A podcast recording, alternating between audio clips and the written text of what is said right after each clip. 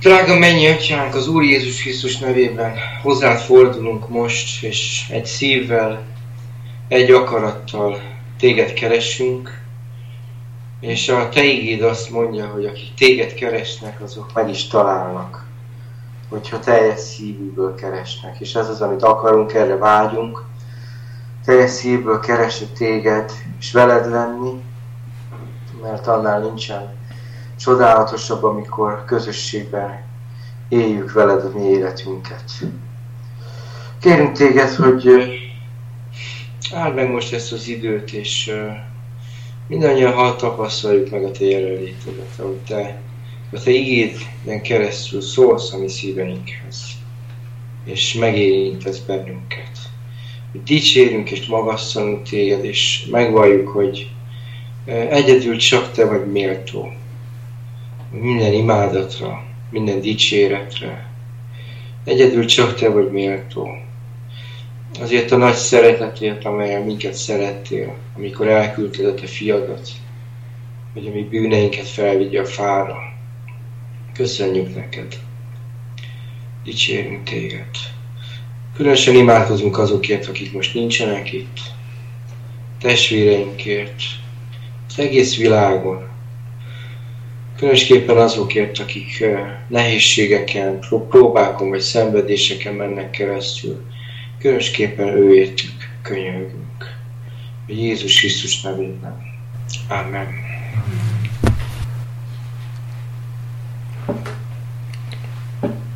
Hát a Szilvia megmondhatója, hogy ez egy ilyen vívódó hét volt a számomra. Sok minden gondolat foglalkoztat Nyilván elsősorban amiatt, mert,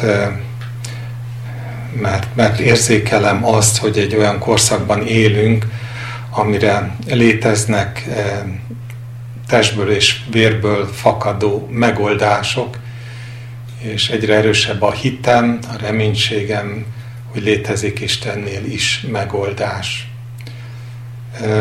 Hosszú évekkel ezelőtt, amikor erre az útra álltunk, akkor az fogalmazódott meg, és gyakran megosztottam a gyülekezettel, és szerintem emlékeztek rá, hogy jaj, csak el ne roncsuk. És amíg békességes idők vesznek körül bennünket, nincsenek nagyobb kihívások, addig ez a gondolat kevésbé feszít belülről, aztán amikor kihívások érnek minket, akkor, akkor egyre többször fölmerül az, hogy vajon, vajon hogyan tovább. Jaj, csak el ne roncsuk. Nem tudom, nagyon kínos dolog-e bevallani azt, amikor az ember azt mondja, nem annyira pozitív bizonyságként, hogy fél. Ezzel együtt, amikor végig gondoltam, akkor arra jutottam, hogy ez a félelem nem a testnek és a vérnek a félelme. Ez az én életemben, hiszem a ti életetekben is, ez inkább az a gondolata félelemmel és rettegéssel vigyétek végbe az üdvösségeteket. Jelent, amit jelent, de bizonyos vagyok benne, hogy jelent egy egészséges tudatosságot abban, hogy tudom, hogy nagyon el tudom rontani. Tudom, hogy ezt személyesként is el tudjuk rontani, meg mint közösség is. Persze mindenre vannak teológiai magyarázatok, azt is világosan látom, hogyan ronthatnánk el, ha egyszer az Isten mindent a javunkra formál. És azt hiszem, hogy ez, ez, ez is igaz, és való igaz, hogy Istennek a végtelen kegyelme az mindig kiemel bennünket azokból a azokból a csapdákból, amiben belegyalogolunk, de ez nem változtat azon, hogy ki mint vet úgy arat. Nem változtat azon, hogy a személyes kegyelem mellett, amit megtapasztalunk naponként, a trendek, az utak, azok torzulni tudnak, erősen tudnak torzulni. Nem kell, hogy torzuljanak, de tudnak. Úgyhogy Gyakran ilyen módon, ilyen módon félek. Félek attól, hogy, hogy talán nem jól tolmácsolom az Istennek az akaratát. Aggódok, és ezeket a szavakat kérlek mindig ebben az összefüggésben értsétek a félek, meg az aggódok, amit elébb elmondtam, hogy, hogy vajon, vajon hogyan lehet úgy megfogalmazni azokat a kérdéseket, amiket az Isten az én szívemre helyez, hogy, hogy kellően árnyalt legyen. Családom mókázik velem gyakran, mert azt mondják, hogy apa, te annyira félsz sokszor attól, hogy szókimondó legyél, hogy így, ami marad, az egy olyan virágnyelv, amit rajtad kívül lehet, hogy csak az Úristen ért, mert senki más nem érti. És, és, és belátom, hogy ebben is van igazság. Ugyanakkor azt válaszoltam nekik erre, hogy, hogy én viszont azt látom, hogy a Biblia soha nem akar szájbarágós lenni. Az, hogy szájbarágós lett a Biblia, annak mi vagyunk az okai emberek, akik amikor olvasunk egy-egy dolgot, akkor azonnal meg akarjuk érteni, és valamilyen skatujába akarjuk belehelyezni, és onnantól kezdve fölemészt bennünket. Nem akarok nagyon elmenni ebbe se, de de tény az, hogy amiről ma szeretnék beszélni, az egy kicsit konkrétabb, és már most félek tőle. Aztán attól is sokszor félek, mert a visszajelzésekből, az arcokból ezt látom, hogy nem vagyok érthető. Ez persze nyilván nem annyira baj, mert mindig azt kérem az Úrtól, hogy, hogy nem az a fontos, hogy értik-e az emberek, amit mondunk, vagy nem értik, és ez nem csak nyilván nem rólam szól, hanem mindenkiről, hanem az, hogy vajon átsugárzik-e az ő szent lelke, az ő ereje, az ő gondolkodása minden megnyilvánulásunkon. Akár tudunk róla, akár nem, vagy sem. És az utóbbit tartom fontosnak. Úgyhogy, úgyhogy mind a mellett, eh,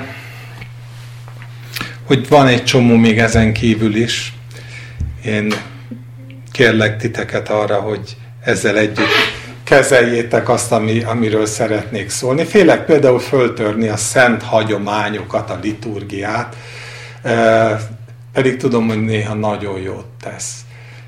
Így ma egy nagyon különös dolog történt. Azon, amin elkezdett foglalkoztatni, percek alatt összeírtam rengeteg, talán öt gépelt oldalt, ami csak igerész, önmagáért beszél, és, és arra gondoltam, hogy lehet, hogy nem is nagyon kéne mellé tenni mást, hanem ezekről néhány szóban beszélni. Imádkozzunk! Mennyi atyánk, igen, sokszor elmondom, sokszor elmondjuk, hogy mennyire jó abba kapaszkodni, hogy mielőtt az ajkunkon van a szó, azt te már egészen érted. De még inkább csodálattal tölt el az, hogy, hogy nem csupán az a része a kommunikációnak fontos, hogy mi, minket te értesz, hanem hogy azt munkálod, hogy mi is értsünk téged. Úgyhogy ma azért szeretnék könyörögni, és azért könyörgünk. Add meg azt a kegyelmet, hogy megértsünk téged, megértsük az akaratodat, hogy ez a párbeszéd ne egy egyoldalú párbeszéd legyen, sokkal inkább csöndesség, állás te előtted, bizalom, hit abban, hogy te mindent elterveztél, te mindent jól teszel, és hogy őszinte szívvel mondhassuk el azt, hogy ennek az országnak, amely a tied, ennek, ennek a törvényszerűségeiért könyörgünk, hogy jöjjön el, jöjjön el az ország, legyen meg az akarat.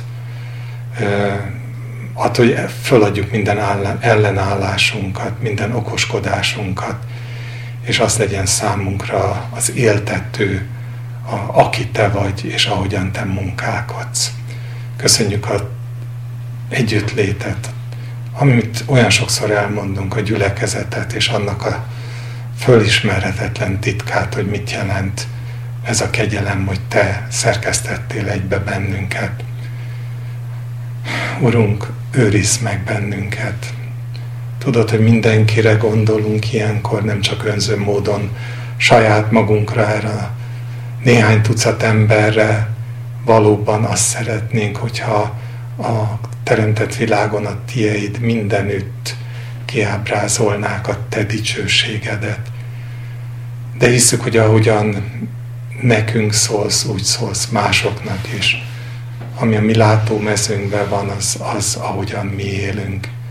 Kérünk, segíts, hogy megértsünk, ne távozzunk el tőled. Segíts, hogy ne gyalogoljunk bele a csapdákba, amik egyre nagyobb számban és egyre látványosabban állnak körülöttünk. És segíts abban is, hogy mégis amikor észrevétlenül, de elcsúszunk a világ irányába, hogy akkor megszabadulhassunk a gonosznak minden hatalmától. Hallgass meg minket Jézus Krisztusért, és végezd el azt, hogy dicsőségedre élhessünk, addig, ameddig itt tartasz ezen a földön, és majd utána is mindörökké. Amen. Amen. Amen.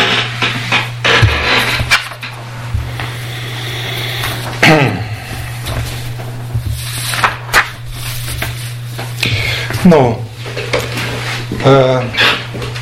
küzdöttem már csütörtökön most, meg egy héttel ezelőtt csütörtökön is, amikor a zsidókhoz írt levélről beszélgettünk, hogy miért is mond nekem olyan sokat az, amit különösen most a negyedik részben olvasunk, hogy,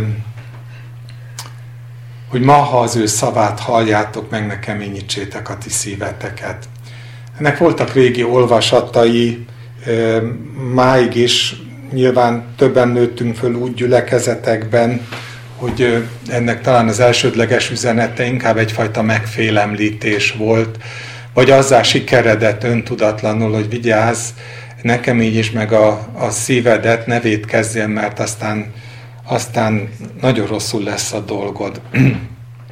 És ahogy telt az idő, úgy egyre inkább kezdett nekem új jelentéstartalmat, vagy inkább úgy mondom, hogy kibővített jelentéstartalmat hordozni.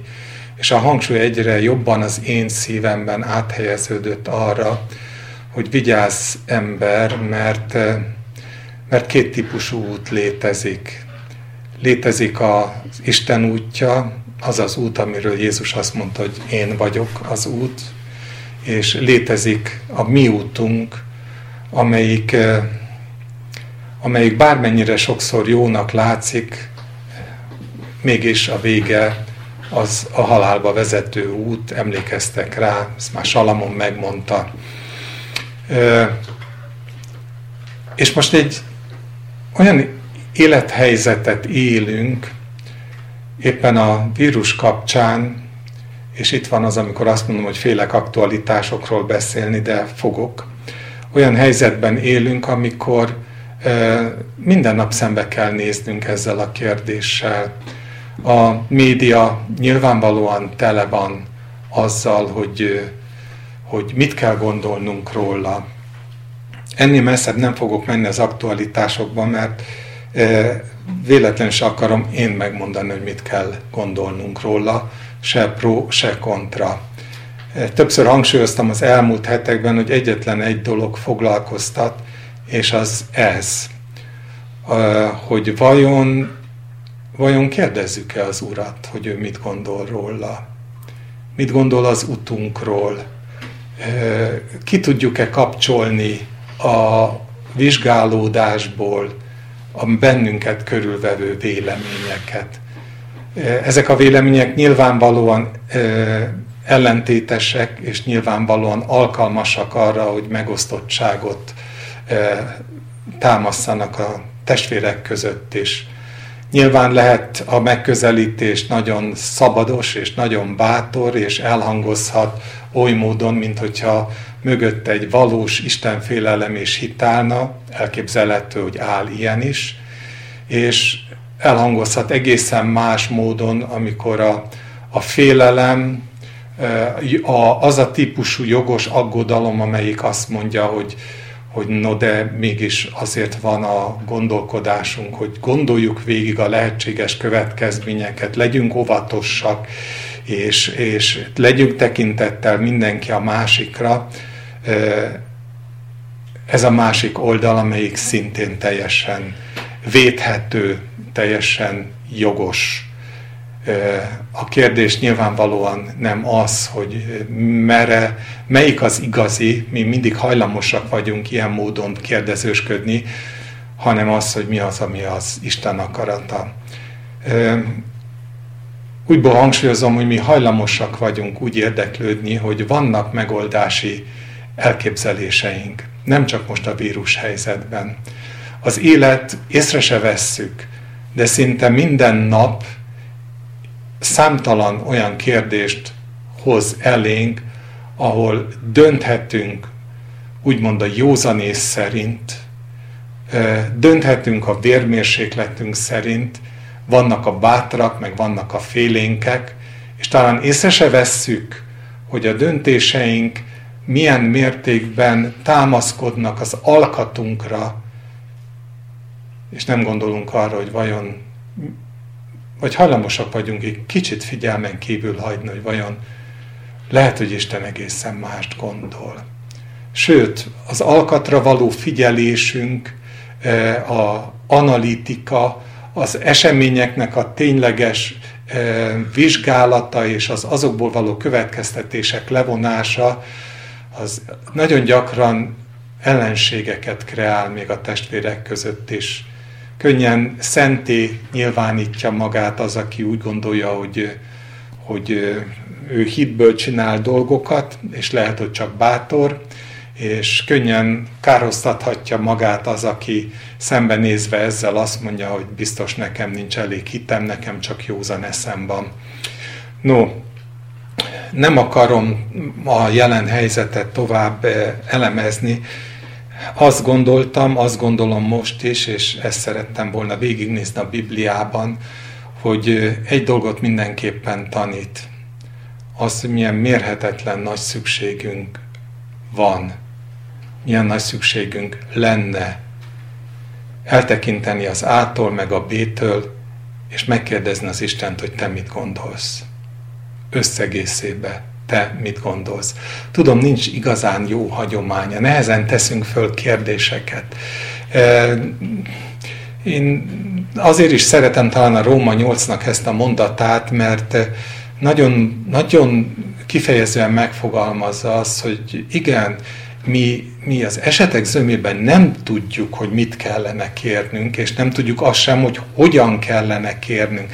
Teljes tanácstalanságban vagyunk, nem véletlen, hogy az a biztatás hangzik el, hogy de a lélek az könyörög, érettetek kimondhatatlan fohászkodásokban. Nem tudjuk. És én gyanítom, hogy azért megyünk át nagyon gyakran abba, hogy az Úr elé alternatívákat viszünk, mert az nekünk jobban megfogható.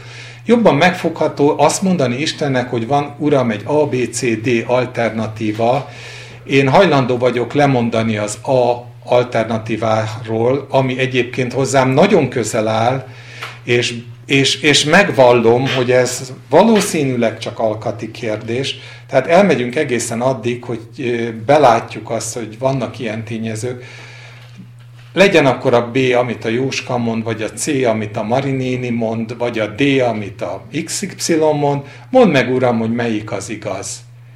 De az, amit fölkínálunk neki, lehetőség, az nem az, hogy szólj Uram, hallja a te szolgád, hanem az, hogy mondd meg, hogy a mi szűk látómezőnkben ott mozgó három, négy, öt alternatíva között te mit gondolsz, melyik a jó alternatíva. Fölteheti bárki a kérdés, hogy és ez gond, hát mi olyan egyszerű emberek vagyunk itt tartunk a hitünknél. És, és nyilván a válasz az, hogy nem, tehát nagyon mindegyikünknek a hitünk adott szintjén tesszük föl a kérdéseket is az Istennek. És gyakran tényleg ez, ez ilyen, ilyen módon tudjuk föltenni. De mintha az ige arra tanítana, hogy ne elégedjünk meg ezzel mintha az ige komolyabban gondolná azt, hogy amikor Jézus azt mondja, hogy ő az út, akkor nem csupán valami habos ideaképet lobogtat meg előttünk, hanem, hanem valóban azt mondja, hogy, hogy, hogy az egyetlen lehetséges jó út az az, amit ő mond, amit az Isten mond. Az összes többi az pótlék. Az összes többi az csak rossz közelítés. Az összes többi olyan, ami meg nem elégíthet, ami nem fog választ adni. Tényleg gondoljuk végig, fogunk választ kapni azra a kérdésre, hogy meddig maradhat ez így? Nem, fog, nem tudom, hogy hogy fogunk választ kapni. Egyet gondolok, hogy Isten megmutathatja azt, hogy nekem mit kell tennem holnap vagy holnap után. Az a furcsa, hogy végignéztem az igét, hogy minthogyha a történelem menete folyamán tényleg kikopott volna az Isten akaratának a megkérdezése. Itt napokban sokat beszéltünk erről a családommal, és mondtam a Szilvinek, hogy az a gondom, hogy miközben ér, érzem ezeket a hangsúlyokat, miközben nagyon nehéz megfogalmazni, hogy na és akkor ez a gyakorlatban mit jelent. És aztán azt gondolom, hogy megadatott. Egyszer csak megindult, és, és, és a legélőbb példaként Dávid jött föl a szívemben. Nagyon sok mozzanat Dávid életéből. Abból, hogy Dávid úgy kezdte az életet, hogy kérdezi az urat. Egészen részletesen kérdezi az urat. Szinte már mókásan részletesen kérdezi az urat, és nem csak onnantól, amikor a, a, az életéről már egész részletes is információink vannak, hanem korábban is. E, olyan különös olvasni arról, hogy amikor e, arra kényszerül, hogy fusson Saul elől, elmegy először Rámába, vagy Rámából továbbfut, és e, Nóba, papok városába megy, elkéri a Góliát kardját, és a többi, és a többi és most nem arról szeretnék beszélni, hogy ő ebben hol tévedett, vagy hol nem tévedett, hanem a válasz, amikor a király felelősségre vonja a nóbi papokat, akkor a nóbi papok részéről az volt, hogy ezt, ebben nincsen semmi rendkívüli. Hát Dávid már korábban is szokása volt, hogy megkérdezze az urat, és most is mondják, mi, mi megkérdeztük az urat érette, de hát ő ezt tette egészen régóta.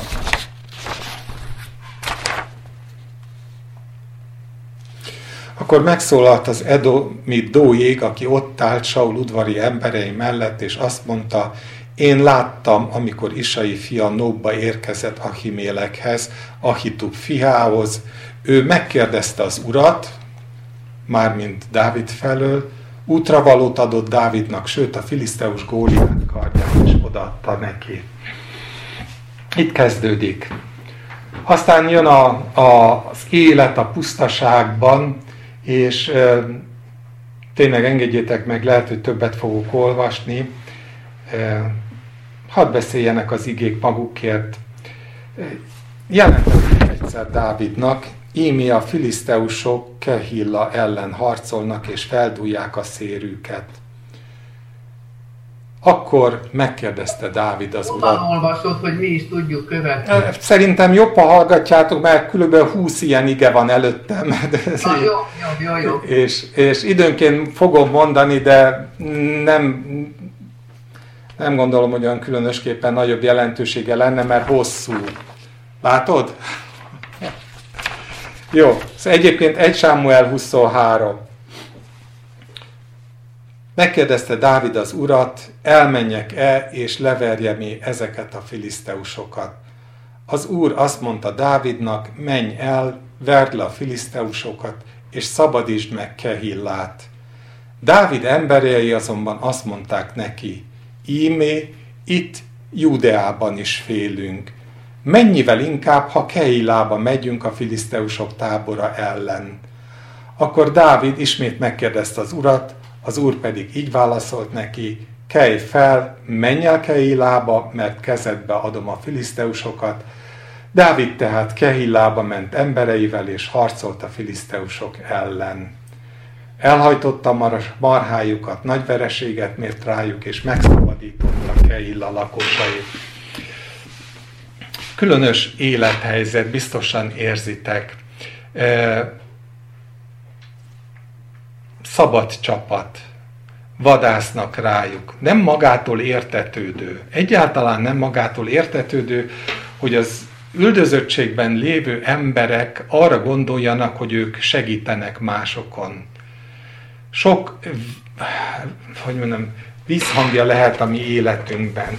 A rossz körülmények, a, a mostoha létkörülmények, azok, azok valóban ezt a két végletet szülik meg, ami akkor ott megszületett. Dávid emberei félnek. Dávid emberei azt mondják, hogy épp elég baj van itt, nálunk is. Miért menjünk, és miért segítsünk még másoknak, és miért kockáztassunk? És úgy tűnik, hogy Dávid legalább Dávid kérdezi az Istent. Megkérdezi már a legelején, hogy elmenjünk el, de akkor sem bizonytalanodik el, amikor szembe találja magát az esetleges értetlenséggel, és nem azt mondja, hogy jó, akkor maradjunk, akkor ne csináljunk semmit, várjuk meg, míg elmúlik a vész, a krízis helyzet, amikor már elismertek leszünk, hanem újból az Úrhoz megy, és ismét megkérdezi az Istent. És Isten azt mondja, hogy menjetek továbbra is. És Dávid emberei akkor hallgatnak. Lehet, hogy csak egyszerűen azért, mert tekintély Dávid a számukra, de mit sem változtat azon a tényen, hogy elmennek, és járják azt az utat, amit az Isten mond. Visszacsatolok. Kérdezd meg az Urat. Menj, maradj. Akarod-e, hogy egyáltalán menjünk? Vagy nem akarod? De Uram, a környezetem azt mondja, hogy ne, és van számos jó ok arra, hogy miért ne csináljam. Te mit mondasz? No, azt hiszem, hogy valahol itt kezdődik az, ami, amivel küzdünk mi a mindennapi életünkben. És utána előáll az a furcsa helyzet, hogy elmennek, és amikor megtudja Saul, hogy ott vannak, akkor magában örül, hogy végre egy várfalakkal körbevett, kulcsos úgynevezett várba ment, amit könnyű körülzárni, és akkor megfogja őket. És akkor a történet következő szála az arról szól, amikor pedig Dávid megtudta, hogy Saul valami rosszat forral ellene, azt mondta Ebiátár papnak, hozd elő az évhódot. Majd azt mondta Dávid, Uram, Izrael istene, biztos hírként hallotta a te szolgád, ugye mennyire ismerős ez is, biztos hírként hallotta a te szolgád, hogy Saul ide akar jönni Keilába, hogy elpusztítsa miattam a várost. Vajon kezébe adnak-e engem Keilla lakósai? Vajon lejön-e Saul egyáltalán, ahogyan a te szolgát hallotta? Ó, Uram, Izrael Istene, jelensd ki szolgádnak. És mondta az Úr, lejön. Dávid megkérdezte, vajon Saul kezébe adnak Keilla lakosai engem és embereimet? És ezt felelte az Úr, kezébe adnak. Hát meglehetősen kiábrándító. Azt mondja előtte, hogy menjek föl, kétszer azt mondja, hogy menjek és csináljak valamit, és utána pedig hát meglepően lakonikus nyugalommal közül, hogy figyelj, egyébként jönnek érted, egyébként átadnak a város lakói, és fölmerülne a kérdés bennünk, hogy és hol itt a logika? Miért csináljak valamit, hogyha utána az életemet kockáztatom? És Dávid teszi mind a kettőt, nem keresi a logikát.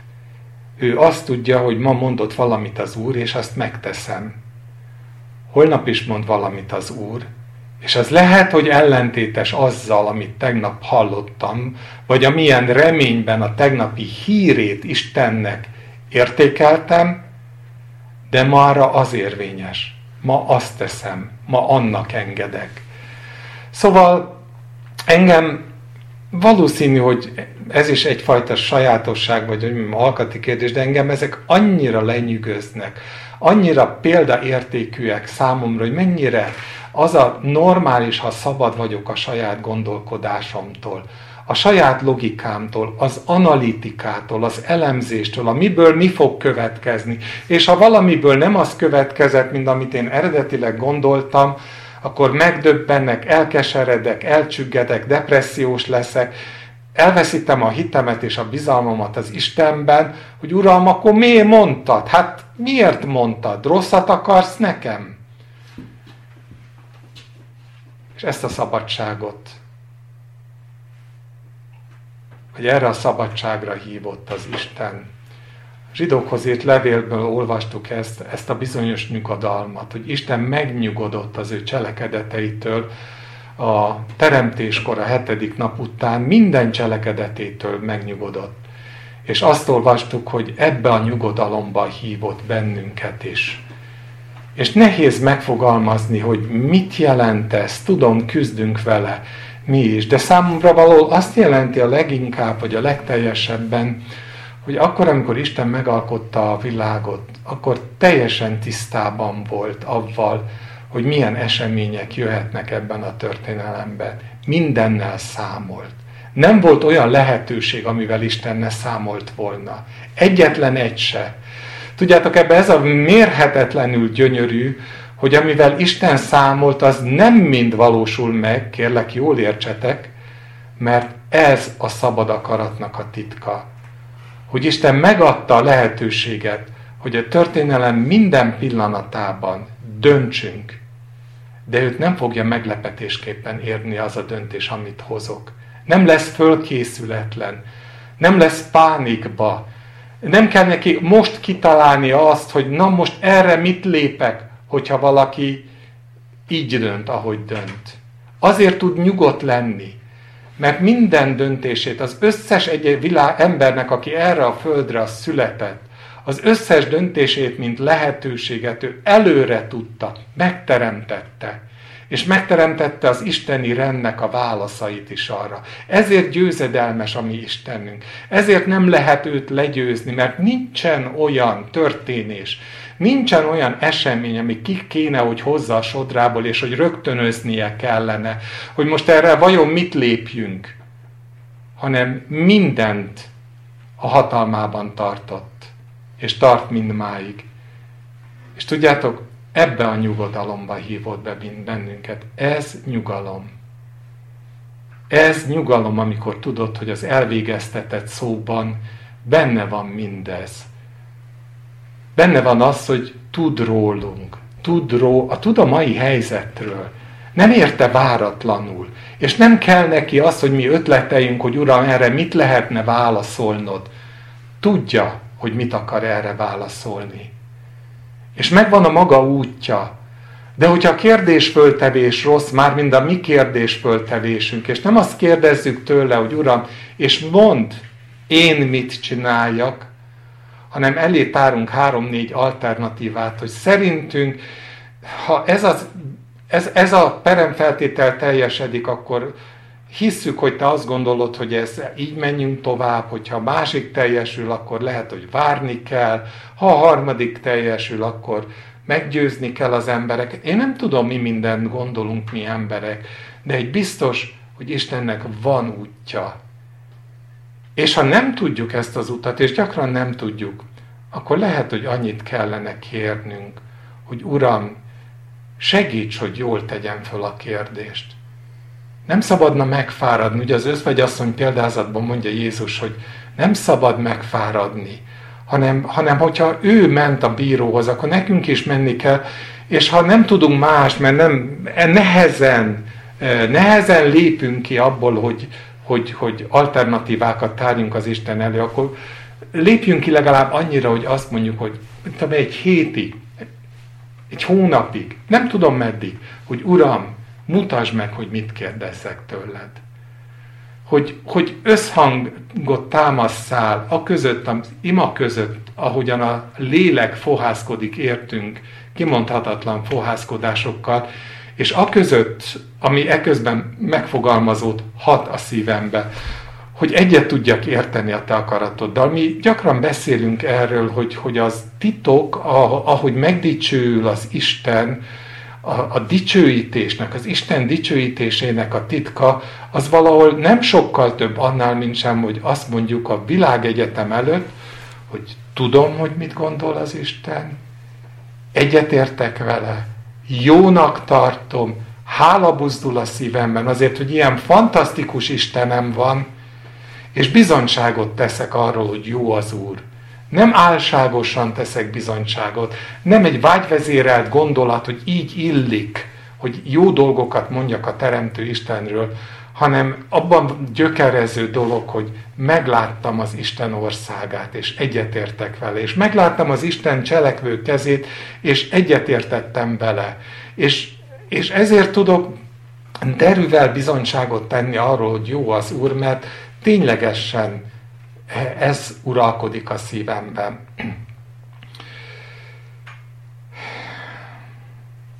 Saul az ellentétes példa. És csak azért olvasom föl ezt a néhány verset, amit róla szeretnék fölolvasni, mert nagyon jól érzékelteti azokat a, hát hogy is fejezem ki, azokat a határokat, amely után az Isten nem szól. Egyszerűen nem szól. Egy Sámuel 28. Sámuel pedig meghalt, és egész Izrael síratta. Saját városában, Rámában temették el. Saul pedig varázslókat és a jövendőmondókat eltávolította az országból. A filiszteusok tehát összegyűltek, felvonultak, és tábort ütöttek Súnemnél. Saul pedig összegyűjtötte egész Izraelt, és tábort vertek Gilboánál. Amikor azonban Saul meglátta a filiszteusok táborát, megijedt és szíve igen megrettent. Megkérdezte hát Saul az urat. Ez az elkeseredés pillanata. De az úr nem felelt neki. Sem álomlátás, sem az úrim, sem a proféták által. Akkor Saul azt mondta a szolgáinak, keresetek nekem egy halott idéző asszonyt, hogy elmenjek hozzá, és kérdezzem meg őt.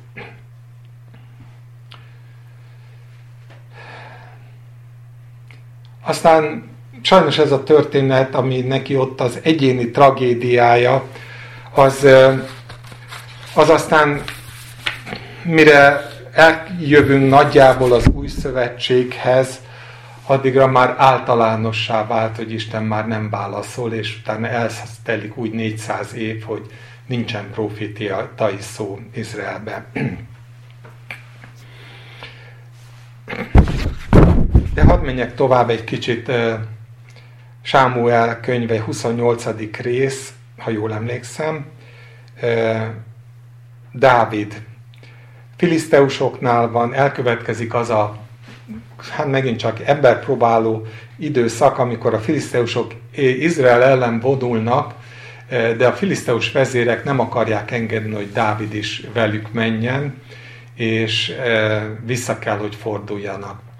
Visszafordulnak a saját táborukba, eh, ciklákba, ahol, a, a, ahol éltek korábban, és azt találják, hogy addigra az amálekiták betörtek a déli vidékbe, ciklákba is, és felperzselték, fogságba hurcoltak mindenkit. Akkor Dávid és a vele levő nép hangos sírásra fakadt, Dávid két feleségét is fogságba hurcolták.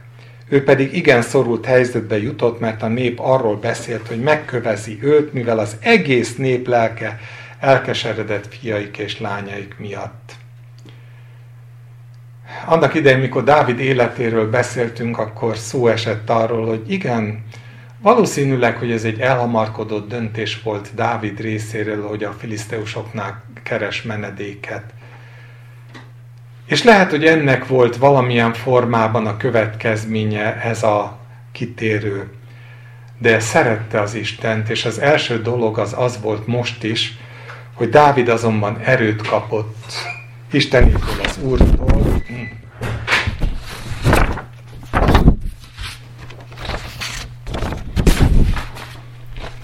És azt mondta Ebiatár papnak, hozd ide nekem az efódot, erre Ebiatár odavitte az efódot Dávidhoz, és Dávid megkérdezte az urat, és megint jönnek ezek a nagyon részletes dolgok, üldözzem-e ezt a sereget, utolérem-e őket.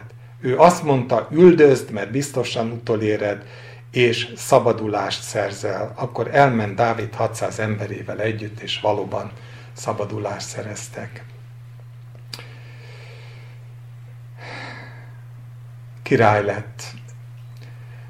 De hogy mit kezdjen a királysággal? Hogyan értékelje azt, ami akkor előtte áll, azt a kettő Sámuel első, második fejezetének az első versén mondják el, ezek után Dávid megkérdezte az urat, fölmenjek-e Júda valamelyik városába? Legyen-e egyik, akármelyik város egyfajta székhelye az uralmadnak? Mint látjátok, még szó sincs Jeruzsálemről.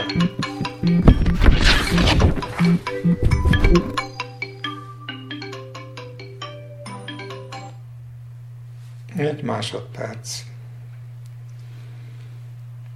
Jó. Jeruzsálemről. Fölmenjek-e Júda valamelyik városába? Így felelt neki az Úr, menj föl.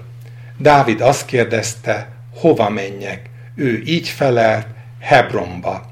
Ezért fölment oda Dávid, és két felesége is. Fölvitte az embereit is. hát ilyenkor újból és újból azért előjön bennem az aggódás, hogy vajon mennyire unalmas, amikor sorban ezeket hallgatjátok. E, próbálok megszabadulni az ilyenfajta félelmeimtől, és azért még tovább menni, mert, e, mert lehet, hogy ez nem több, mint a témának a körbejárása, de hát erről szól a Biblia. Arról szól Isten igéje, hogy, hogy hogy megerősítse bennünk azt, hogy ő egészen részletekben menően gondol ránk. Amikor Jézus a hegyi beszédben, a hatodik részben ezekről beszél, akkor olyan világosan megfogalmazza azt, hogy ne aggodalmaskodjatok. Így szól, senki sem szolgálhat két úrnak. Azért azt mondom nektek, ne aggodalmaskodjatok az életetek felől Ugye ebben minden benne van. Ne aggodalmaskodjatok. Azt nem mondja, hogy akkor ne gondoljad, hogy, hogy, hogy hebehurgya módon cselekedjél. Nem ezt mondja. Nem ezt mondja, hogy akkor vesd a lovak eh, közé a gyeplőt, és, és ötleteljél, és csináld azt, ami éppen jól esik. Nem ezt mondja. Ő ilyet soha nem mond, de azt mondja, hogy ne aggodalmaskodj. Hogy a gondolataidat ne az foglalja el, ami a, az éppen akut probléma, ami körülvesz családodban, munkahelyeden, gyülekezetedben, a világban, hanem hogy ezt kapcsolt ki, mert Isten már elvégzett mindent, mert Isten már nyugalmában van, ő tudja, tudja, hogy mindez kell, hogy mindenre szükség van. Ne aggodalmaskodjatok az életetek felől, hogy mit tegyetek, mit igyatok, se a testetek felől, hogy mibe öltözködjetek. Bizony több az élet az eledelnél és a test az öltözetnél. Tekintsetek az égi madarakra, nem vetnek, nem aratnak, csűrbe sem takarnak. És mennyei atyátok eltartja őket. Nem vagytok-e sokkal különbek, drágábbak náluk? Kicsoda pedig az közületek, aki aggodalmaskodásával meghosszabbíthatja életét egy arasszal? Kicsoda közületek, aki a jelenlegi helyzet miatt érzett aggodalmaskodása okán Isten nélkül jó döntéseket tud hozni. Nem tudunk nélküle jó döntéseket hozni. A válaszaink akár a aggódásból születnek, akár a könnyelműségből születnek, mindenféleképpen rossz válaszok. Egy dolog jó válasz, amit Isten gondol. Ne aggodalmaskodjatok tehát, és nem mondjátok, mit tegyünk vagy idunk, mivel ruházkodjunk, mert mindezeket a pogányok kérdezik. Az döbbenetes. Ez a gondolkodás, az aggódásnak a gondolkodása, az annak a jele, hogy nem mentem be a nyugodalomba. Nem élek abban a nyugodalomban, ami abból fakad, hogy Istennek megvan a megoldása. Hogy Isten tudja, és az én részem az az, hogyha ő akarja, hogy valamilyen módon bevonjam ebbe a munkába, akkor megkérdezem, hogy mit tegyek, hallja a te szolgád, vagy mit ne tegyek, azt is hallom. És egyáltalán mi a te utad, Uram? Keressétek először Isten országát és az igazságát, és mindezek ráadásul megadatnak nektek. Ne aggodalmaskodjatok tehát a holnap felől, mert a holnap majd aggodalmaskodik a maga dolgai felől. Elég minden napnak a maga baja. Ilyen egyszerű.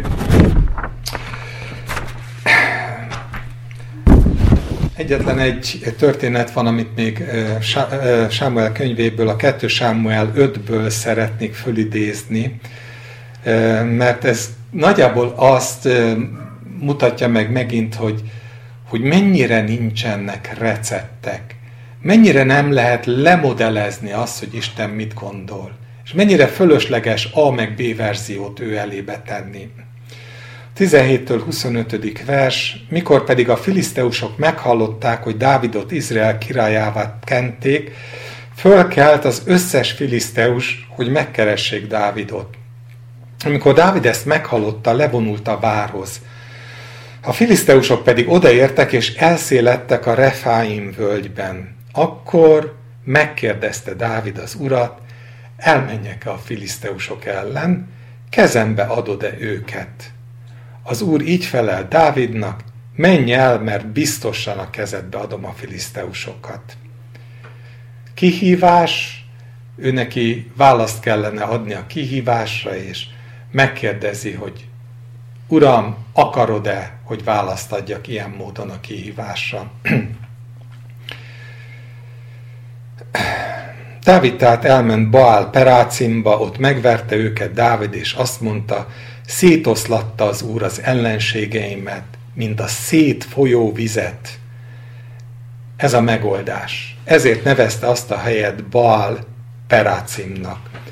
És ott hagyták a bálványaikat, amelyeket azután Dávid és szolgái összeszedtek. És alig érünk a végére, folytatódik a következő vers, azután ismét feljöttek a filiszteusok, és ugyanott elszélettek a Refáim völgybe. Dávid megint megkérdezte az urat, ő pedig azt felelte, most ne menj egyenesen rájuk, hanem kerülj a hátuk mögé, és a szederfákkal szemben támad meg őket. És amikor a szederfák teteje felől menetelés zaját fogod hallani, akkor indulj el, mert akkor előtted megy az Úr, hogy megverje a filiszteusok táborát. Dávid úgy cselekedett, ahogy az úr parancsolta neki, és vágta a filiszteusokat, Gebától fogva egészen Gézerig. Hát nyilván ti is érzitek, hogy ez egy döbbenetes dolog. Olyan részletekben menő forgatókönyvet mond Isten Dávidnak, amire hát a legjobb analitikus se tudna előre kigondolni. Ez az Isten útja. Mi valószínűleg, hangsúlyozom csak valószínűleg, mert emberek vagyunk, azt mondanánk, hogy a járt utat a járatlanért el ne hagyd, és miután ugyanazok az események ismétlődnek, talán megpróbálnánk a jól bevált módszereinket érvényre juttatni, és Isten nem ilyen.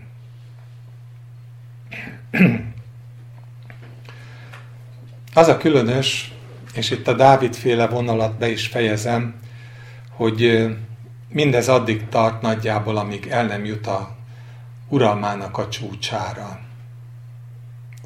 És amikor megtörténik a Becsabéval való vétkezése, onnantól kezdődően Dávid nem kérdezi az urat. Megy az úr hozzá önmagától is, mert ugye küldi a profétát, és többször is megtörténik, de, de innentől kezdve bármilyen különös egyszer sem írja a Dávid történet följegyzései, hogy Dávid megkérdezte volna az urat. Sőt, amikor megvásárolja a szérűt Ornántól, akkor, amikor megszámolja a népet, pedig nem az Isten akarata, hogy megszámolja a népet, és meg se kérdezte az urat erről a népszámlálás felől. Akkor megjegyzi a Krónika könyv írója, hogy megvette a szérűt, Dávid azonban nem mert fölmenni oda az Isten színe elé, hogy tőle tudakozódjék. Mert igen megrettent az Úr kardjának a, az Úrangyalának a kardjától. És hát ezzel, ez az utolsó az, amikor egyáltalán szó van arról, hogy a rossz lelki ismeret az bizony elérte azt a hatást, hogy Dávid nem meri már megkérdezni az Istent, mert fél a karttól, fél a büntetéstől, fél a haragtól. Annyira visszaköszön, annyira nem lehet nem látni azt, hogy az ember ma is ugyanaz, hogy egy darabig talán kérdezzük az Istent, aztán önbizalomra teszünk szert, lehet, hogy nincs is nagy önbizalmunk, de belénk súlykolta a bennünket körbevevő társadalom a maga megoldási képleteit. Hosszú időn keresztül élünk ezekben a megoldási képletekben, és aztán utána már nem nagyon merjük megkérdezni az Isten arról, hogy és Uram, te mit gondolsz? Ez, erről az egészről te mit gondolsz? És innentől kezdve alig van egy-egy ember, aki képviseli az Úrnak az igazságát.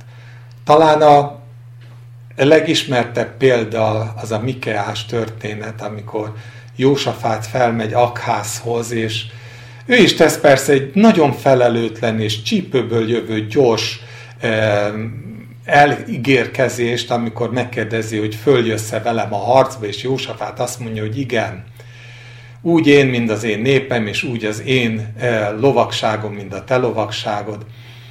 De aztán megszólal a lelkiismeret.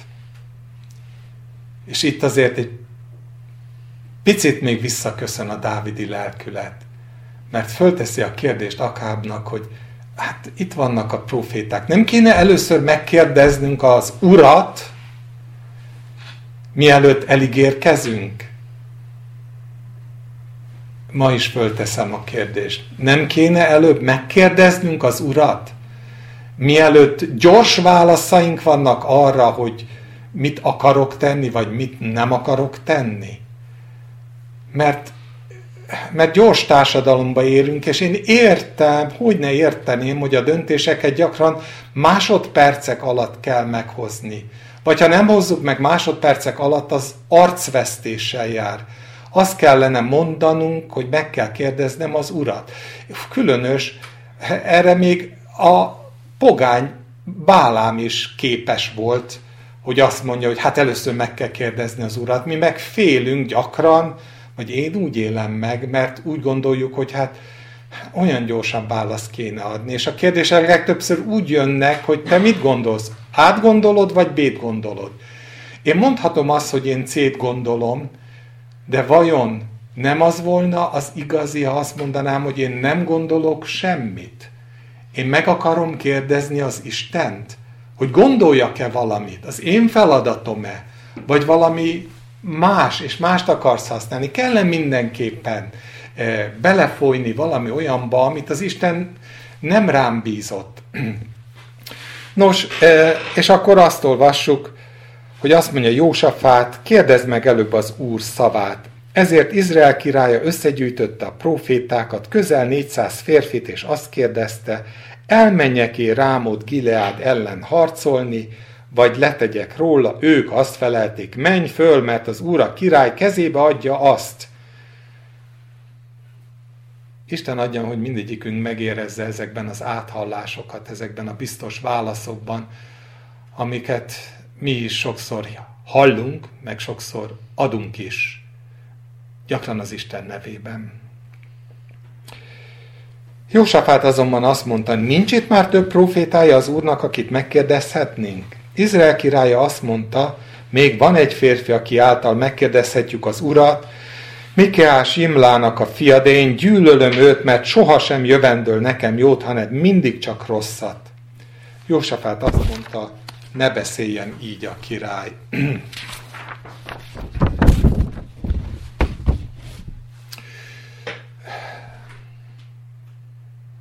Jósafát életében még egyszer előjön ez a szép gondolat, és én azért szeretem az ő életét, erről is sokszor beszéltem, mert eh, jó példája annak, hogy amikor lefelé hanyatlik eh, egy rendszer, a királyságnak a rendszere, akkor is létezik az, hogy az emberek, emberek eh, tudják kérdezni az Istent, és, és, és számítanak a szavára. Ezt nem fogom végig felolvasni, de ott is van egy ilyen, hogy, hogy Izrael királya megint ugyanezt a kérdést fölteszi neki, de akkor éppen Moab ellen kell menni, harcolni, és ő még mindig csípőből azt mondja, hogy dehogy nem, én is megyek. Aztán ott ragadnak a pusztában, kiderül, hogy ez egy, ez egy, ez egy rossz vállalkozás volt, és azt mondja Izrael királya, jaj, jaj, Azért hívta össze az úr ezt a három királyt, hogy Moab kezébe adja őket, leesik a tantusz. De Józsafát így szólt, nincs-e itt az úr profétái közül egy, hogy tanácsot kérhetnénk általa az úrtól? És felelt Izrael királyának egyik szolgája, itt van Elizeus, Sáfát fia, aki illés kezére szokta tölteni a vizet. Erre Jósafát azt mondta, nála van az úr beszéde. És elhívják. Izrael királyának ezt mondta Elizeus, mi közöbb van hozzád? Menj apád meg anyád profétáihoz. Eddig tőlük váltál segítséget, velük tárgyaltál, világ éltél, nem érdekelt az Isten. Most miért érdekel az Isten? Mert bajba vagy? Azért érdekel az Isten? És nyilván nekünk ugyanezek a kérdések hangoznak el, hogy csak akkor érdekel bennünket az Isten, amikor bajba vagyunk? Akkor már akarjuk hallani az ő hangját? Tudom, hogy egyikünk sincs így, csak bennem mindig fölmerül ez a kérdés, hogy vajon amikor olyan sokszor elmondjuk egymásnak, én önmagamnak, beszélünk róla, hogy áron is megvegyétek az alkalmasságot, mert a napok gonoszok. Amikor arról beszélünk, hogy bizony a békesség esztendeiben kell a kapcsolatot az Istennel fölvenni, és megtanulni, meghallani az ő hangját, mert akkor, amikor már itt vannak a nem szeretem esztendők, akkor bizony már csak kapkodás az, amit mi emberek tudunk tenni, de már nem tudunk abban a nyugalomban nyugodni, amit fölajánlott az Isten, hogy megvan az Isten népének a maga szombatja. Már nem tudunk avval a, a, avval a békével tekinteni a bennünket körülvevő eseményekre, nem csak mi, mi is emberek azt tudjuk mondani, hogy jaj, jaj. És azzal folytatja, hogy él a seregek ura, aki előtt állok, hogy ha nem nézném Jósafátnak, Júda királyának személyét, rád sem tekintenék, meg sem látnálak és aztán utána mégis segít.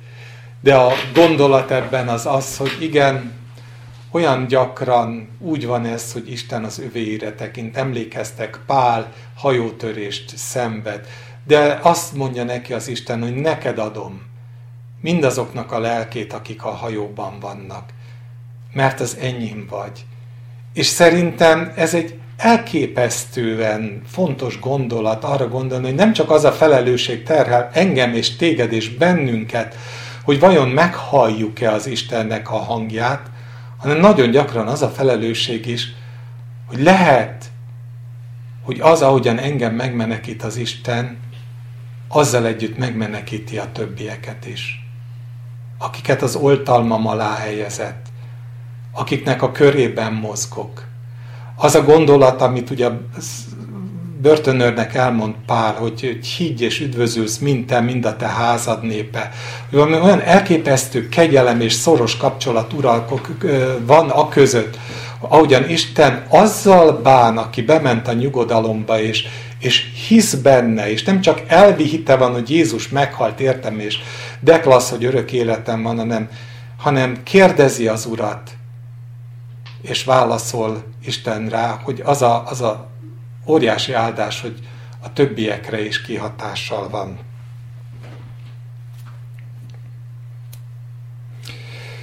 No, és aztán annyit szerettem volna, itt az Ószövetségből már nem nagyon akarok felolvasni. Így megy egészen addig, amíg aztán én nagyon egy, egy befejező, az az utolsó, ez a Malakiás könyvéből szeretnék néhány mondatot olvasni. Malakiás egy is, de a Malakiás három, és ez az Ószövetségnek az utolsó könyve. Csak arra szeretném most fölhívni a figyelmet, hogy nekem nagyon összevág ez a, ez a kérdéssora, abban, amivel élünk, meg az, ahogyan a jelenések könyvét szemlélem az utolsó időkről. Az én uram, na igen, azt mondja a seregeknek ura, hatodik vers, Malakiás 3, mert én az Úr meg nem változom, ti pedig Jákobnak fiai nem emésztettek meg. Atyáitok idejétől fogva eltértetek rendeléseimtől, és nem tartottátok meg. Térjetek hozzám, és én is hozzátok térek, azt mondja a seregeknek, ura, de azt mondjátok, miben térjünk meg. Annyira el tudunk távolodni az Istentől, hogy föl sem ötlik bennünk, hogy eltávolodtunk. Jól csináljuk, meggazdagodtunk, mondja a laudiciai gyülekezetben. Mindennel bírunk, nálunk van a tudomány, miből kéne megtérnünk? És nem veszi észre a kereszténység, hogy bizony nyomorult, szegény és vak. Miben térjünk meg? Avagy az ember megcsalhatja az Isten? Ti mégis csaltatok engem. És azt mondjátok, mivel csalunk téged? Mintha teljesen ártalmatlan lenne, és, és nem is értem sokszor, hogy, hogy, hogy hogy tudunk ilyenek lenni, pedig ilyenek vagyunk, olyannyira ilyenek vagyunk, hogy ott van a Máté Evangélium hetedik része elrettentő példaként, hogy amikor Jézus arról beszél, hogy akkor majd sokan jönnek azon a napon, és azt mondják, hogy nem, de nem a te nevedben profétáltunk. Nem, de nem a te nevedben tettünk hatalmas dolgokat, és nem érted, hogy hogy, hogy nem esett le nekik, hogy valamit nem jól csináltak. És Jézus megfogalmazza, azt mondja, hogy gonosztevők vagytok, távozzatok tőlem gonoszságnak cselekedői. És azzal folytatja, hogy mert senki nem mehet be az Isten országában, csak az, aki az Isten akaratát cselekszi. Nem az Isten akaratának kikiáltott ö, gondolatokat cselekszi, nem a köz által befogadott és szentesített cselekvési programot ö, érvényesíti, hanem az, aki odáll az Úr elé, és azt mondja, hogy szólj Uram, mert hallja a te szolgád. Akinek aztán Isten szól, ő elmegy és megcselekszi. Mivel csalunk téged? A tizeddel és az áldozni valóval. Hozzátok be a tizedet mind az én tárházamba, hogy legyen ennivaló, és próbáljatok meg engem, azt mondja a seregeknek, Ura, ha nem nyitom én meg nektek az egek csatornáit, és ha nem árasztok reátok áldást bőségesen, és megdorgálom értetek a kártevőt, és nem veszti el földetek gyümölcsét, és nem lesz a szőlőtőtök meddő a mezőn, azt mondja a seregeknek, Ura, és folytathatnánk a mai, mai eseményekkel, a mindennapok eseményeivel, amiket gyerekkorunk óta végigélünk. Isten azt mondja, hogy próbálj meg halld meg, amit mondok, cselekedd meg, amit mondok. Ne magatok által gyártott Isten tisztelettel próbáljatok tisztelni, erről is a hetekben sok szó esett közöttünk. Hogy igen, létezik az, amikor a kereszténység eltér abba az irányba, hogy a saját maga által kiötlött Isten tisztelettel eh, próbál kedves lenni az Isten előtt. Isten azt mondja, hogy higgyél, bízzál, halljál, és akkor meg fogom adni mindazt, amit még csak kérni sem tudtatok. De addig nem tudok aktiválni részletekre semmit, ameddig magatoknak magatok vagytok a mércéi, magatokból indultok ki, és saját ötleteiteket hozzátok hozzá, és azt várjátok, hogy majd áldást adok rá. Keményen szóltatok ellenem, azt mondja az Úr, és azt mondjátok, Mit szóltunk ellened? Azt mondjátok, hiába való az Isten szolgálata, és mi haszna, hogy megtartjuk törvényeit, és hogy alázatosan járjunk az seregeknek ura előtt.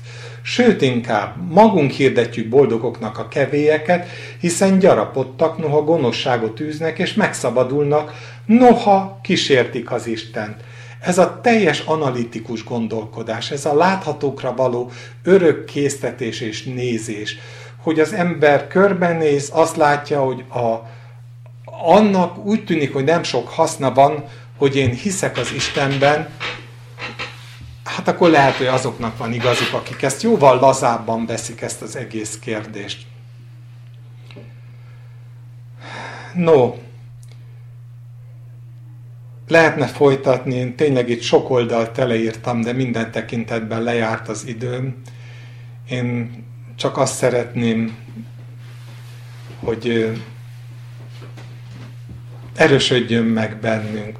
Lehet, hogy mindannyiatokban már eddig is nagyon erős volt, és teljesen nyitott kapukat döngetek azzal, hogy ilyenekről egyáltalán beszélek. Nem véletlenül indítottam azzal, hogy sokszor félek fölhozni témákat, mert lehet, hogy senki másnak nem szól, csak nekem, de akkor önmagamért, és úgy érzem, hogy nagy áldás volt végig gondolni -e azt, hogy vajon, vajon az Úr szól hozzám, és az ő akaratában járok, vagy pedig tanácsot akarok adni az Istennek, hogy hogyan kéne az életem helyzeteit megoldani, vagy az evilágnak a helyzeteit megoldani, és olyan szűk a látómezőm, hogy észre se veszem, hogy Istennek kész megoldása van mindenre, csak én vagy nem bízok benne, vagy annyira más, mint amiben én bízok, hogy, hogy, hogy föl se teszem kérdésnek, hogy Uram, Isten mit gondolsz. Én szeretnék az következő hetekben ilyen módon imádkozni Istenhez. Azt látom, hogy a gyülekezetek rámennek a mostani vírusra. Nem úgy mennek rá, hogy meghalnak, hanem oly módon mennek rá, hogy egyszerűen még sokkal még sokkal megszokottabbá válik a közösség nélküli lét. És szeretném, hogyha az Úr tanácsot adna, hogy Uram, mit jelent akkor a közösség? Hogy tudjuk gyakorolni a közösséget? Van megoldás, vagy pedig csak végletekben van most is megoldás? És, és, és csak olyan típusú megoldás van, hogy bátrak vagyunk és találkozunk, vagy olyan típusú megoldás van, hogy óvatosak vagyunk, használjuk a józan eszünket és nem találkozunk. Mind a kettő megoldás, megoldás, de mind a két megoldásról én személyesen azt gondolom, hogy van valami, amit Isten valószínűleg nem ezek mentén, a kérdésfeltevések mentén dönt el, meg tud megválaszolni. Szeretném, ha a kérdéseket jól tudnám föltenni, és szeretném, hogyha nyitott lenne a szívem, a szívünk arra, hogy meghalljuk, és részletekre is ezt kívánom, hogy legyünk ebben mindannyian közös szívvel Isten előtt, és, és kérdezzük meg, hogy Uram, te mit gondolsz? És ne úgy menjek. Én, én biztos nem akarok úgy elébe menni, hogy Uram, én azt hiszem, hogy, hogy választani kéne ez, meg az, meg amaz között. Hanem szeretnék úgy elé menni, hogy először meg akarom érdez, kérdezni téged, hogy mit tegyek föl kérdésnek kell egyáltalán kérdést föltennem, vagy csak egyszerűen azt kell megélnem, amikor ott állnak a, a veres tenger előtt az Izrael fiai, és, és hátuk mögött a fáraó serege, és bizony a világon semmi remény arra, hogy ebből meg lehet menekedni. Nincs alternatíva. Minden alternatíva rossz. Mindegyik alternatíva rossz. És akkor az isteni válasz az, hogy ti, ti csak maradjatok veszteg álljatok meg, legyetek bizalommal, és lássátok meg az Istennek a szabadítását. No, én ezt a szabadítást várom, és mondom, ez a helyzet csak apropó, nem több.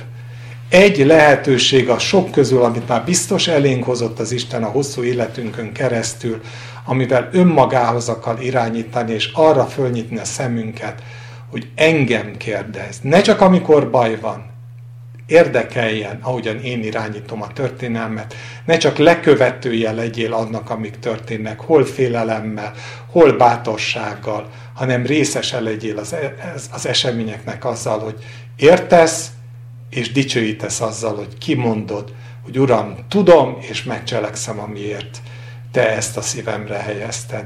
Úgyhogy imádkozzunk közösen, és ezért most, és, és imádkozzunk közösen a hétköznapjainkban, és hiszem, hogy az Isten választ fog adni mindenre. Urunk, együttesen kívánunk eléd jönni. Együttesen szeretnénk, hogyha látnád, és egyetértenél azzal, hogy szívünk mélyéből fakad föl a kérés és a kívánság, hogy szólj, Uram, hallja a te szolgád. És jól tudjuk, hogy ez egy út, amiben ilyenkor talán lehet, hogy csak a szándékot tudjuk kinyilvánítani, hogy hallani akarjuk, de te szavunkon fogsz, és köszönjük neked, hogy mindent elkövetsz, hogy meg is halljunk téged, hogyha nem terheljük meg az életünket, a mindennapjainkat a világgal. Szólj, Úrunk, kérünk! Szeretnénk a kérdéseket jól föltenni, Szeretnénk, hogyha az ilyen példák, amiket most Ernő is megosztott velünk, nem csak valamilyen tündérmesék lennének, amikre azt mondanánk, hogy jaj, de jó, hogy ilyen emberei is vannak az Istennek, hanem holnap, amikor, amikor szembenézünk azzal, hogy megkérdezhetünk téged, akkor, akkor megkérdezzünk. Vagy arról, amit tényleg szükség, vagy egyszerűen eléd álljunk csöndesen, és megkérdezzünk téged, hogy Uram, mit akarsz, hogy cselekedjünk? Mit kérdezzünk? Miért imádkozzunk? Kikért imádkozzunk? Hogy imádkozzunk a gyülekezetekért? Hogy, hogy mi a mi szerepünk ebben, és Uram, én nem tudom a válaszokat. Biztos, hogy sok szép dolgot el lehet sorolni, talán én is el tudnék sorolni, de ezt teljes szívvel tudom, hogy nem erről nem erre van szükség.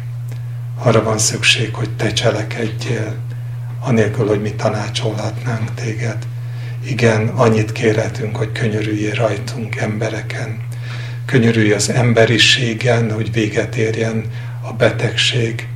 De azt még inkább szeretnénk kérni, hogy könyörüljél a te népeden, hogy megértsük, amit meg kell értenünk belőle, hogy közelebb húzódjunk hozzád, hogy szívünkre helyezhessed azt, hogy keressünk téged, nem csak a háborúságnak az idején, hanem a békesség idején is, hogy elkezdjünk kérdezősködni veled, hogy elkezdjen érdekelni a mindennapokban az, aki te vagy, és amit te akarsz nekünk mondani, nem csak azzal foglalkozunk, amit mi akarunk neked mondani. Könyörgünk ezért a közösségért is. Mutasd meg, hogy hogy folytassuk az életet. Nem tudom, azért is nem fogalmazom meg, nem azért, mert virágnyelven akarnék beszélni, hanem azért nem fogalmazom meg, mert nem tudom. Nem tudom az alternatívákat. Nem tudom, hogy mit készítesz nekünk, közösen vagy külön, kisebb vagy nagyobb csoportokban, itt vagy a Kálvin téren, vagy másutt, megvárva a vírus végét, vagy nem megvárva a vírus végét, nem tudom, Uram. És nem szeretném, hogyha a test és a vér, az alkati tényezők játszanának ebben nagyobb szerepet, mint Te. De azt meg tudjuk tenni, hogy együtt könyörögjünk hozzád, külön-külön is és együtt is, hogy Te adj bölcsességet mindannyiunknak, kijelentést, befogadást és elfogadást, és nekünk meg bátorságot arra, hogy megosszuk azokat a kijelentéseket, amiket Te adtál, és amit nem mi okoskodtunk ki. Könyörüljél rajtunk, el tudjuk rontani. Igen, Uram, el tudjuk rontani. És tudod, hogy nem akarjuk elrontani ne vigy minket a kísértésbe, ne engedd, hogy mi belegyalogoljunk, mert ma semmi más nincs körülöttünk. Csak jobbnál jobb ötletek, kísértés, információ, özön, ami alapján fölkínálja a világ a döntési lehetőségeket. És ilyen helyzetben mindezt félretenni a látómezőn kívülre, és azt kérdezni, hogy jó, jó, de Uram, Te mit gondolsz? Ezt olyan nehezen tesszük meg, úgyhogy kérünk Téged, hogy könyörüljél, hogy imádkozhassunk, vigyázzunk és imádkozhassunk. Lehessünk józanok, mértékletesek, befogadók, egymás szeretők, Uram, nem tudom, hogy Te mennyire látod az én szívemet. Tudom, hogy nagyon, hogy én nem ismerem, az nagyon valószínű. Sokszor mondom, de hiszem, hogy valamennyire Te is látod, hogy így van. Nagyon szeretném, és hiszem, hogy mindannyian nagyon szeretnénk, hogyha az egész teremtett világ azt látná, hogy mi egyetértünk, nem a magunk gondolataival, hanem a tieddel. Ha azt látná az univerzum, hogy vannak itt a Földön emberek, akik azt akarják tenni, amit te mondasz nekik. Úgy akarnak cselekedni, úgy akarnak gondolkodni, még ha nincs is erejük hozzá maguktól, de készen állnak arra, hogy, hogy mindenfajta, mindenfajta mintakövetés nélkül egy dolgot tegyenek, nem mintát kövessenek, hanem az úton járjanak, aki te vagy Jézus Krisztusunk. Igen, Uram, így indultunk évekkel ezelőtt, talán egész életünkben, most is így folytatni szeretnénk. Add, hogy dicsőítsen az életünk téged. Ne csak a szánk dicsőítsen különböző hangzatos mondatokon keresztül, hanem dicsőítsen az, hogy meg tudsz dicsülni abban, hogy mi azt tesszük, amit mondasz. Úgyhogy ezt kérjük, szólj Uram, halljuk a Te szavadat. Amen.